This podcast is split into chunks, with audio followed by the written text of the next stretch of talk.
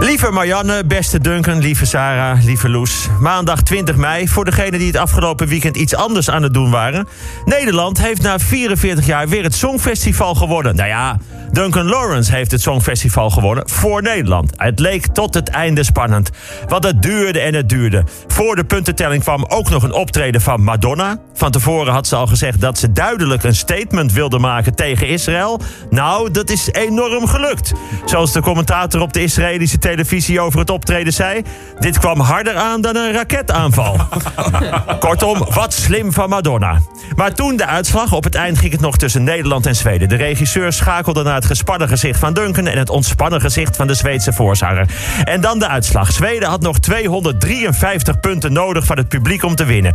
De presentator maakt het heel spannend. Nederland heeft al alle stemmen gehad, zegt hij. Staat dus 252 punten voor. Nederland kreeg zelf van het publiek 268 punten. Zweden hoeft niet eens evenveel stemmen als Nederland te krijgen. Nee, Zweden heeft genoeg aan maar 253 punten. Het aantal stemmen dat er voor Zweden is binnengekomen is, en ik herhaal... Zweden heeft nog maar 253 punten nodig. Het wordt heel close. Hoeveel punten heeft Zweden gehad bij de televoting? Ik heb het hier staan, ik ga het bijna zeggen. Is het meer dan 253? Het aantal is... Wat is dit verschrikkelijk spannend. Het aantal punten voor Zweden is... 96. What the fuck? Waarom zit je dan zo spannend te maken? 96? Dat zit heel ver van 253. Dat is heel erg weinig. Wat een afgang voor die Zweden. Die staan opeens zesde. 96 punten, dat is maar 96 punten meer dan Madonna. En zo haalde Duncan simpel met een enorme voorsprong de eerste plaats. Maar waarom die spanning? Volgend jaar mag of moet Nederland het organiseren. Diverse steden hebben zich al aangemeld, maar wie gaat het Songfestival presenteren? Het is natuurlijk altijd vervelend om jezelf naar voren te schuiven.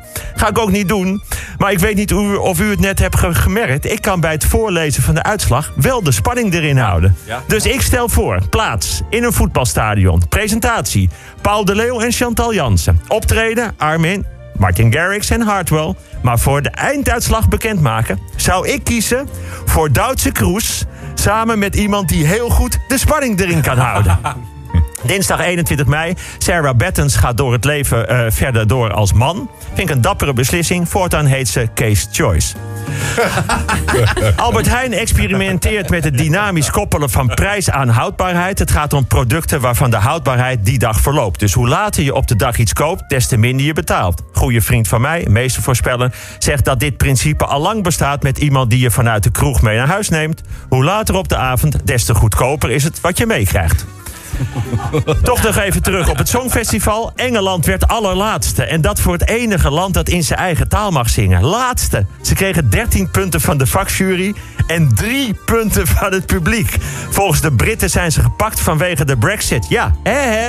Hoe zou dat komen? Je doet mee aan een Songfestival van Europa. Maar je laat duidelijk merken dat je daar helemaal niet bij wil horen. Wat denk je dat er gebeurt als je thuiskomt en tegen je vrouw zegt... Ah, ik heb eigenlijk helemaal geen zin meer in je en ik wil het liefst zo snel mogelijk mogelijk weg. Zal ik nog wat zingen? Ik zou je zeggen, dan is de kans heel erg klein dat je daar veel punten voor krijgt. Woensdag 22 mei deze week was de laatste aflevering van Game of Thrones. Ik ben een groot fan, maar ik heb het laatste seizoen nog niet gezien. Een behoorlijk deel van de grootste fans zijn zeer ontevreden over het eind. Ze eisen een ander einde en daarvoor gaan ze zelfs naar de rechter. Nou, ik zou je zeggen, als zij gelijk krijgen... dan ga ik Tottenham Hotspurs aanklagen. Duizenden groep 8 leerlingen hebben een verkeerd schooladvies gekregen... door een rekenfout bij het nakijken van de commerciële eindtoets. Veel schooladviezen vielen te hoog uit en bij een kleiner deel te laag. In beide gevallen hebben leerlingen zich nu misschien bij een school aangemeld die niet bij hun past. Volgens de woordvoerder van deze commerciële eindtoets was het nakijken ook heel erg moeilijk. Want moet je nagaan, het waren 80 vragen. En je moet 80% goed hebben voor HAVO-VWO. Dat is dus 80% van 80. Dat is 8 tiende. Dat is 8 gedeeld door 10. Maar bij breuken is het vermenigvuldigd met omgekeerde. Dus maal 10 gedeeld door 8. Dat is 10 maal 80 gedeeld door 8 is 100. Dus iedereen heeft 100%. Kortom, misschien moeten mensen maar beter gaan luisteren naar het oordeel van de juf en de meester. Of ik zou zeggen, het indelen op niveau nog twee jaar uitstellen. Donderdag 23 mei, omdat het grootste deel van het land is ontgaan, meld ik het maar even. Er waren gisteren Europese verkiezingen. De opkomst was 41 procent. Niet iedereen begreep waar de verkiezingen om gingen. Mijn buurvrouw heeft gestemd op Italië, omdat ze daar zulke lekkere koffie hebben. in de exit poll in Nederland heeft de Partij van de Arbeid gewonnen. Wel nog even afwachten of de berekening niet is gedaan door de specialisten van de eindtoets basisonderwijs. Minister Grapperhuis wil een nieuwe wet invoeren, namelijk seks tegen de wil van een ander is altijd fout en dus strafbaar. Ja, dan hou ik weinig over. Want alles wat ik met andere vrouwen doe, is tegen de wil van mijn eigen vrouw. Woensdag 24 mei, juf Loes is overleden. Dat was de juf van mijn dochter, 13 jaar geleden toen ze nog in groep 5-6 zat. Kijk, ik begrijp wel, jullie kennen juf Loes helemaal niet. Maar ik noem het toch even, want je kent allemaal wel een juf of een meester. Zo eentje die zomaar veel kan hebben betekend voor jouw zoon of dochter. En je komt er vaak niet aan toe om dat later nog even aan die juf of meester te vertellen. Ik ben nu dus ook net te laat, vind ik jammer. Ik vond juf Loes een bijzondere juf. Ze zag er streng uit. Veel juffen op de basisschool zien er juist heel lief uit. Nou, juf Loes niet. Heel streng. Ze leek op juffrouw Bulstronk uit Mathilde van Roald Dahl. En voor wie die niet kent, denk aan een vrouwelijke Maarten van Rossum met een keiharde stem. Als zij jou een hand gaf, dan stonden gelijk de tranen in je ogen. Ieder kind op school was doodsbang voor haar. Geen kind durfde met een tractatie langs juf Loes om een sticker op te halen. Ze waren allemaal bang voor juf Loes, behalve haar eigen klas. Want als de deur dichtging en ze met elkaar waren, dan waren ze ook echt met elkaar. Dan liet juf Loes merken dat ze heel trots was op haar klas, op haar leerlingen. En dat ze ze zou beschermen tegen iedereen die iets tegen hun klas wilde doen. Ze leerden dat niet iedereen poeslief is tegen je, maar dat je daar even doorheen moest kijken. En na een maand was ze de lievelingsjuf van iedereen in de klas. En dan moesten ze lachen om de. En vooral om anderen die bang waren voor haar.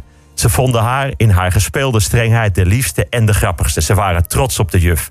En ze hebben tien jaar later allemaal een bijzonder verhaal over haar, wat ze hebben geleerd. Ik vertel dit omdat zij staat voor alle juffen en meesters. Dus een kus van de vader van mijn dochter voor wat jij hebt gedaan. Tot volgende week.